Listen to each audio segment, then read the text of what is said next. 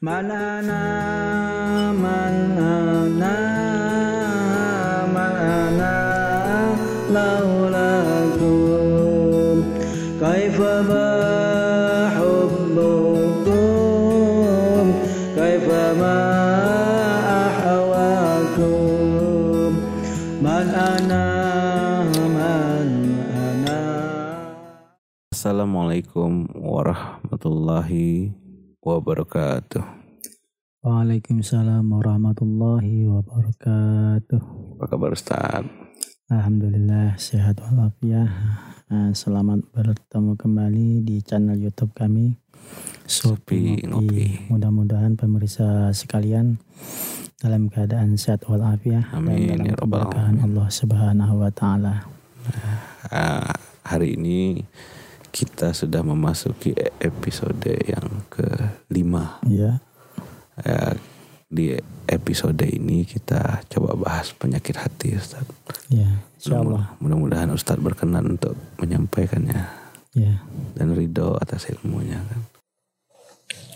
Oke, penyakit hati Ustaz. iya, penyakit hati artinya hati kita sakit kalau ber- berpenyakit kan iya, iya. sering kita uh, sebutkan aduh sakit hati saya nih oh itu Hmm, sakitnya tuh di sini. sakitnya tuh di sini nah artinya hatinya berpenyakit kan karena sakit Iya. nah di dalam Islam ada tidak pembahasan penyakit hati itu? Ini salah satu eh, ketegasan di dalam ajaran Islam hmm.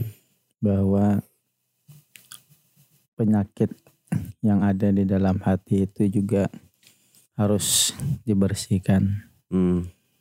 Nah, karena apa? Amal ibadah kita itu tidak akan mendapatkan pahala Hmm. kalau masih ibadahnya bercampur dengan penyakit-penyakit hati. Nah, apa saja jenis-jenis daripada penyakit hati itu Ustaz? Itu sangat banyak sekali jenis-jenis daripada penyakit hati. Nah, di antaranya seperti ria. Nah, ria itu apa Ustaz? Ria itu memamerkan amal ibadah dengan tujuan mendapat pujian daripada orang. Ya artinya bukan karena Allah ya, Iya. karena ingin mendapat pujian atas Mm-mm. ibadah yang Nah, ini kan berbahaya bagi yang pelaku seseorang yang beribadah karena ria, Heeh. tidak karena Allah Ta'ala. Nah, itu salah satu penyakit hati. Ibadahnya tidak mendapatkan pahala daripada Allah. Karena bukan tujuannya lillahi ta'ala. ya kan. Karena, karena hanya memamerkan kepada orang lain atau minta dipuji daripada orang lain. Terus lagi seperti penyakit hati itu seperti sombong, tekabur. Bahasa Arabnya tekabur, bahasa kitanya sombong. Oh takabur itu sombong ya Ustaz ya? Yang artinya apa? Tidak mau menerima nasihat dari orang lain. Oh. Padahal dia tahu bahwa nasihat itu benar. Tapi karena eh, kesombongannya dia tidak mau menerima. Hmm. Nah, seperti kisah-kisah nabi-nabi terdahulu itu banyak itu daripada diceritakan di Al-Qur'an seperti Firaun. Hmm. Nah, itu kan sombong. Tidak mau menerima Ya, nasihat. seperti Namrud Mhm. atau Abu Jahal. Iya. Nah, terus lagi termasuk penyakit hati lagi hektu. Itu dendam. Nah, Hik, oh hektu ya. hektu. Hektu. Hmm. Hak kop dal hekdun. Tuh. Itu dendam pada seseorang. Hmm. Karena ini mem- memang tersiksa batinnya karena menyimpan dendam. Nah itu ma- bagaimana keadaan perbuatan dendam itu contoh contohnya Ustaz Contohnya dia dendam kepada seseorang, hmm. eh, ingin menyakiti orang tersebut, tapi belum terlaksana Mhm. karena dendamnya tadi. Dendam itu seperti kemarahan yang tersembunyi. oh dia tersembunyi ya Iya, oh, berarti berbahaya kalau tersembunyi bahaya. Iya. Terus lagi seperti hasut, nah penyakit hati seperti hasut ini sangat berbahaya juga. Karena apa? Orang yang hasut ini seakan-akan eh, melawan daripada ketentuan Allah. Hmm. Karena Allah sang pemberi nikmat Mhm. kepada hambanya. Hmm. Sedangkan yang hasut ini merasa eh, bagaimana nikmat yang diberi Allah kepada orang tersebut bisa hilang. oh malah mau menghilangkannya ya Iya, oh betul. jadi kalau hasud hasud kan bahasa Arab lah Iya, bahasa bahasa Indonesianya. Dengki. dengki. Iya, oh jadi dengki itu adalah tidak menerimanya seseorang lain diberi nikmat oleh Allah lalu mencoba untuk menghilangkan nikmat tuh supaya dia tenang gitu ya. Iya, oh, artinya ada unsur mau menghancurkan nikmat yang Allah beri itu Iya, itu iya. masalah anunya ya Hmm. Dan juga orang yang hasut ini biasanya sering terjadi itu antara sesama profesinya. satu profesi ya. Satu profesi pedagang ya sama pedagang ya karena mungkin ada perasaan gini nah persaingan. ya aku kan kayak gini juga harusnya aku bisa kayak gitu gitu nah Ya tapi eh, yang salahnya itu supaya nikmat yang Allah berikan pada orang lain itu hilang, bilang hancur. padahal kalau dipikir logikanya Ustad apa yang didapat orang lain itu bukan dia yang kasih Iya. tidak ada kerugian sebenarnya pada pada orang yang apa ter, terkena hasut ya tadi ya. Iya, jadi orang yang hasut ini dia tidak akan tidak akan naik derajatnya di sisi Allah Subhanahu wa taala bahkan tersiksa seumur hidupnya ya si- sial dengan itu perasaannya. Ya. Iya. Al hasud al hasadu la yahsud wal mahsud yasud. Hmm. Orang yang hasud itu tidak akan naik derajatnya di Hmm. sisi Allah.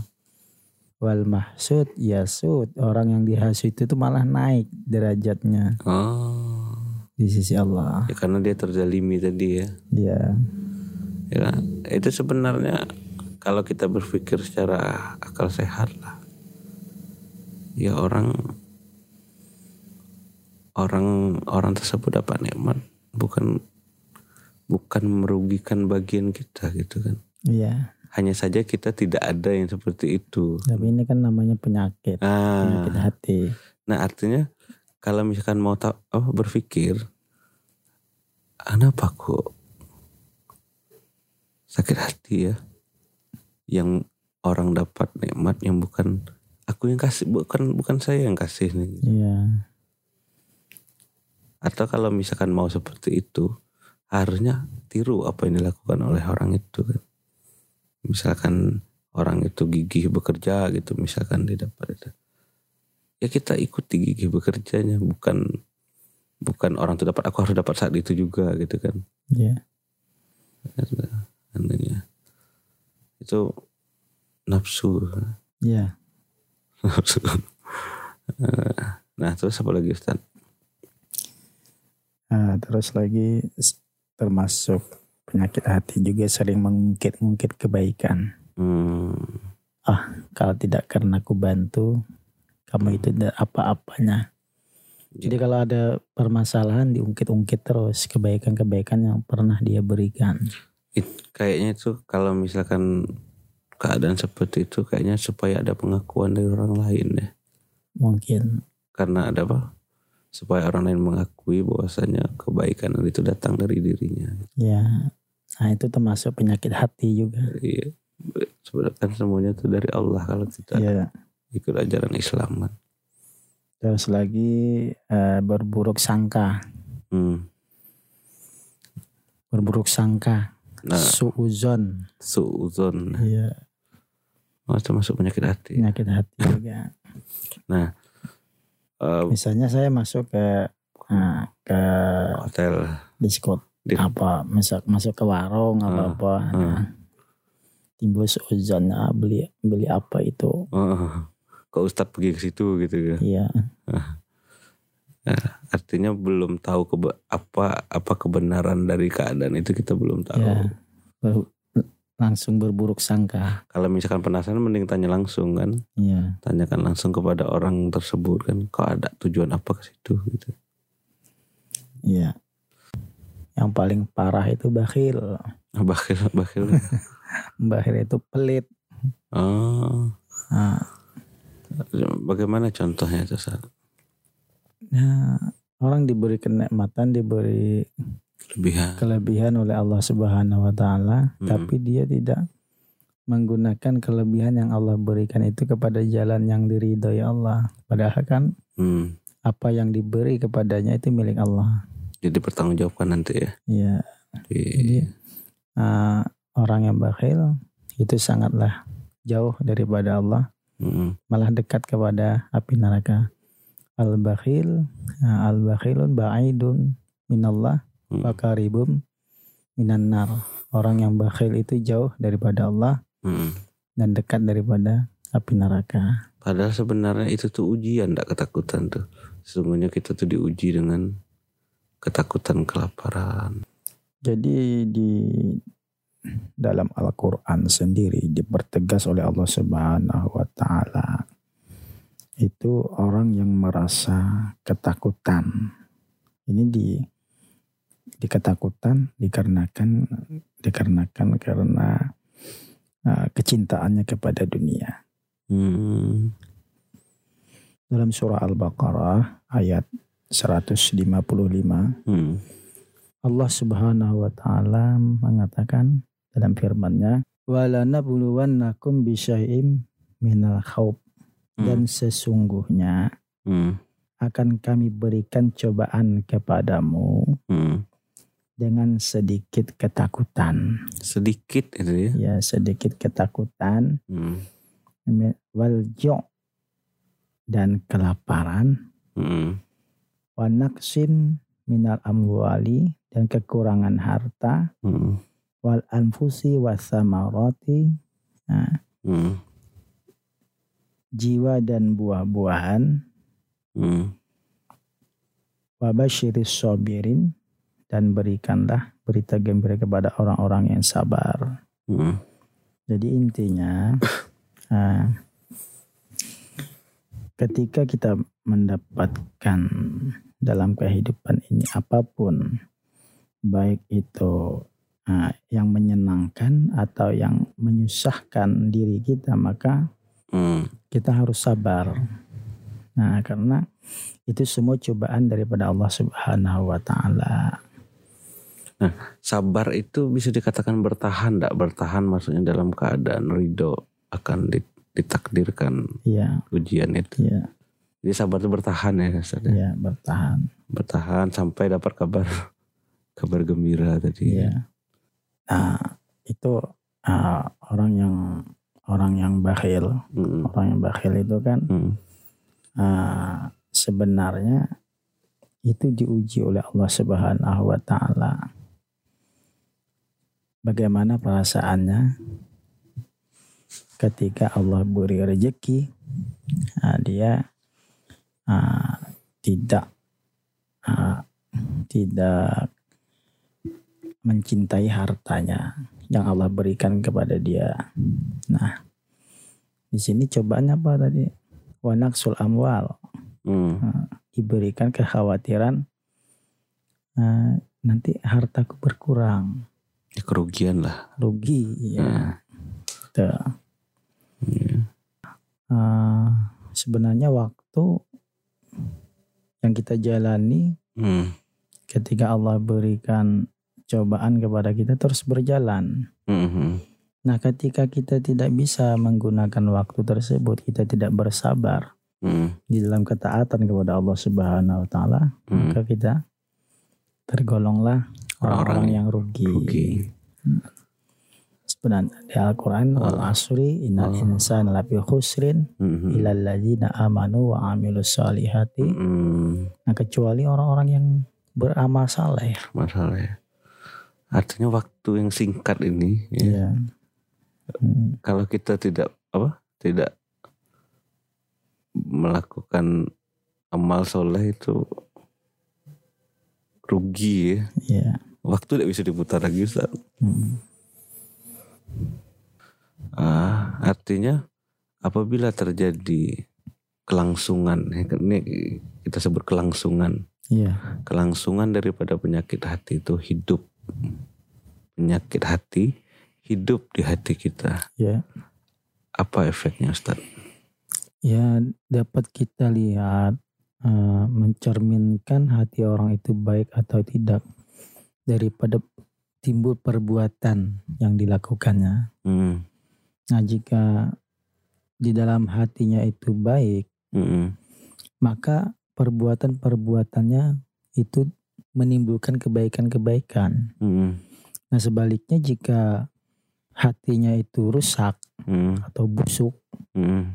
itu menimbulkan perbuatan-perbuatan yang tercela Pada zahirnya ya, pada zahirnya kecelaan-kecelaan, kejahatan-kejahatan. kemungkaran lah Ustaz. Ya, itu karena Rasulullah Shallallahu Alaihi Wasallam bersabda, eh, "Ala inna fil jasada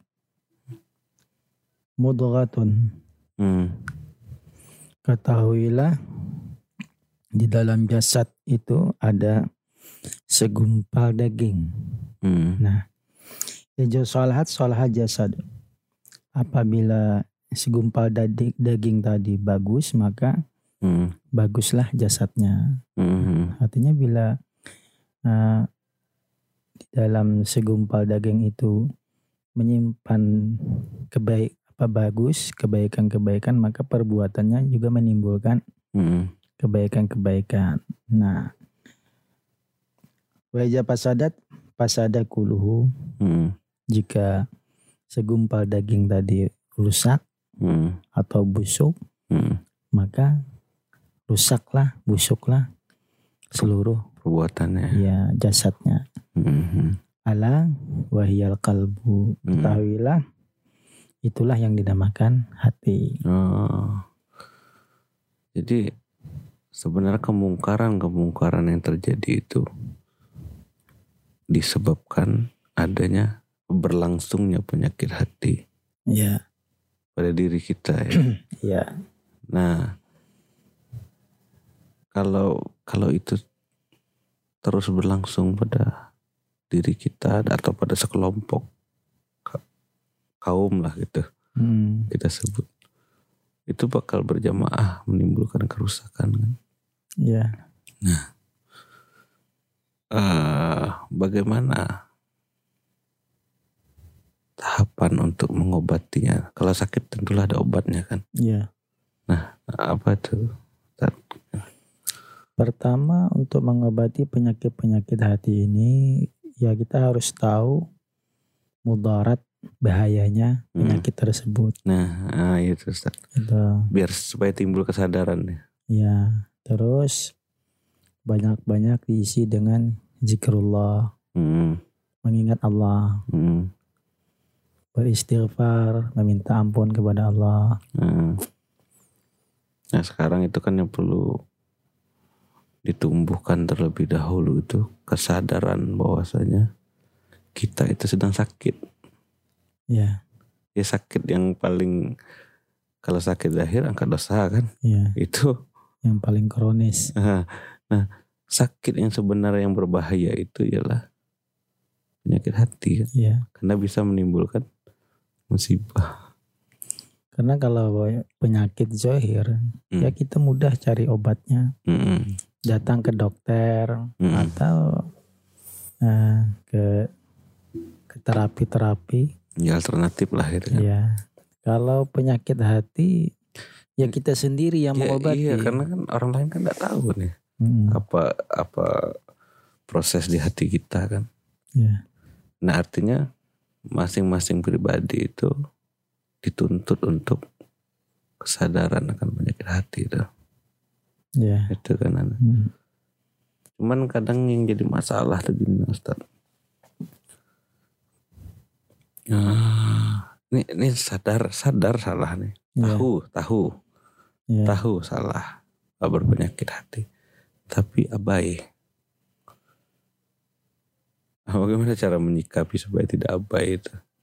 Contohnya seperti apa? Misalkan lagi di, misalkan Ustadz sebutkan tadi tuh, eh, jangan dendam gitu, Ya. atau jangan hasut lah gitu. Ya. Eh, itu misalkan itu terjadi pada saya hasut, Ya. tapi karena supaya nampak baik, supaya nampak saya di orang orang yang taat, saya tidak ti- tidak tidak tidak mengambil sikap taubat atas itu. Itu berbahaya. Ya sangat berbahaya kalau kita memelihara penyakit. Iya kan artinya kita, kita sudah tahu kita berpenyakit tapi karena takut eh, kita itu termasuk orang-orang yang mungkar lah gitu. Ya. Jadi kita tutupin bukan disembuhkan gitu. Nah itu itu salah satu faktor berlangsungnya penyakit hati. Sebenarnya ya ditutupin atau tidak Allah itu maha tahu. Tetap ada ganjarannya kan? Ya Allah itu maha tahu apa Hmm. yang ada, apa yang kita perbuat, Hmm. apa yang ada di dalam hati kita. Mm-mm. Allah itu maha tahu. Nah, jadi kita ya memang menumbuhkan rasa bahwa Hmm. kita ya apa pun yang diperbuat itu tidak bisa kita tutup-tutupi. Jadi pemirsa ingat jangan menutupi penyakit hati ya. Ya, Allah melihat, Allah mendengar dan Allah tidak tidur. intinya bukan kita buka ke Nah, orang. itu aib kan. Ya, Cukuplah antara kita dan, dan Allah. mm-mm. artinya kita memang Hmm. eh, benar-benar ingin membersihkan Hati, hati kita. Tazkiyatun nufus jiwa kita, Hmm. membersihkan jiwa, Hmm. tazkiyatul qalbi, membersihkan hati. Hmm. Itu dari diri kita sendiri. Ya artinya kan memang ada niatan untuk mengobati.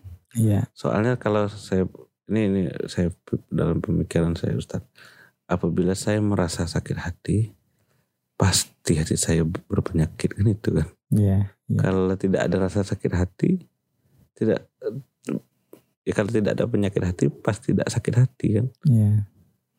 Nah, itu gitu. Berarti anu, apa? Kita disuruh juga untuk bersifat qanaah, menerima apa yang Allah berikan. Ya itu Nah, terus sabar. mm, Itu, itu salah satunya untuk menghilangkan apa kegelisahan-kegelisahan dalam hati. mm.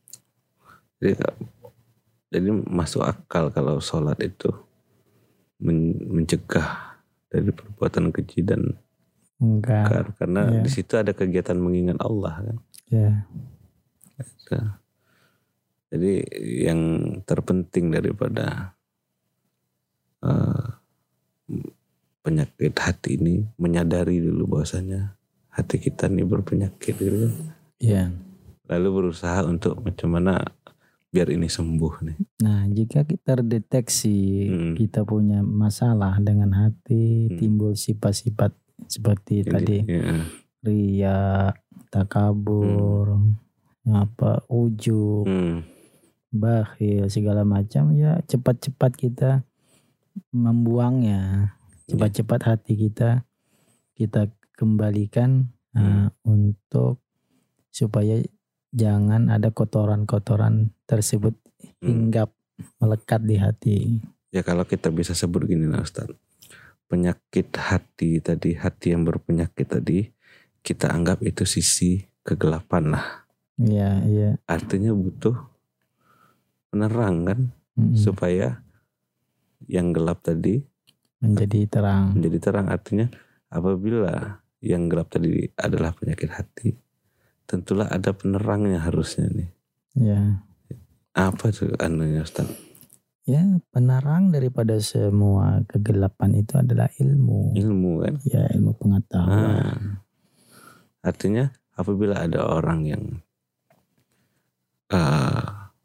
be- mau menyembuhkan hatinya itu ilmu di di di Ya, tidak bisa semuanya itu luput daripada ilmunya. ilmu. Nah, artinya ah, dapat kita ah, satu tahapan lah kita sebut daripada penyakit hati eh, menyembuhkan proses menyembuhkan penyakit hati tadi ialah menuntut akan ilmu Ya, itu proses pertamanya Ustaz ya. artinya ilmu tadi tentulah terdapat di di guru-guru yang Iya. mengajarkan mm-mm. artinya apabila ada niat mau membersihkan hati cari dulu guru yang ya, mengajarkan itu. Jangan belajar sendiri kan? Mm-mm. jangan menelaah sendiri. Ya em, tradisi daripada akidah ahli sunnah wal jamaah itu ilmu yang bersanat sambung menyambung sampai kepada Rasulullah. Mm-mm. itu yang penuh dengan keberkahan. Jadi poin penting daripada penyakit hati ini. Sadar dulu bahwa hati kita berpenyakit tandanya hati kita sakit. Aduh sakit hati gitu. Ya. Kalau bahasa anak sekarang tuh galau. Ya. Gelisah galau. Galau merana. Apa penyebabnya galau? Itu kan? Oh, rupanya ada penyakit hati, jangan pede kalau galau. Ya terkadang kan kita harus anu hati kita galau kita minta support. Supaya dibenarkan galau kita. Padahal yang benar ya semuanya itu kalau kita kembali kepada Allah ya tidak ada apa-apanya.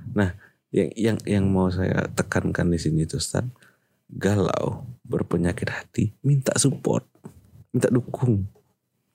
Artinya berusaha untuk ngajak orang mendukung hatinya berpenyakit kan itu nanti anunya tuh Ya, kejadiannya tuh anu pembenaran yang tidak benar.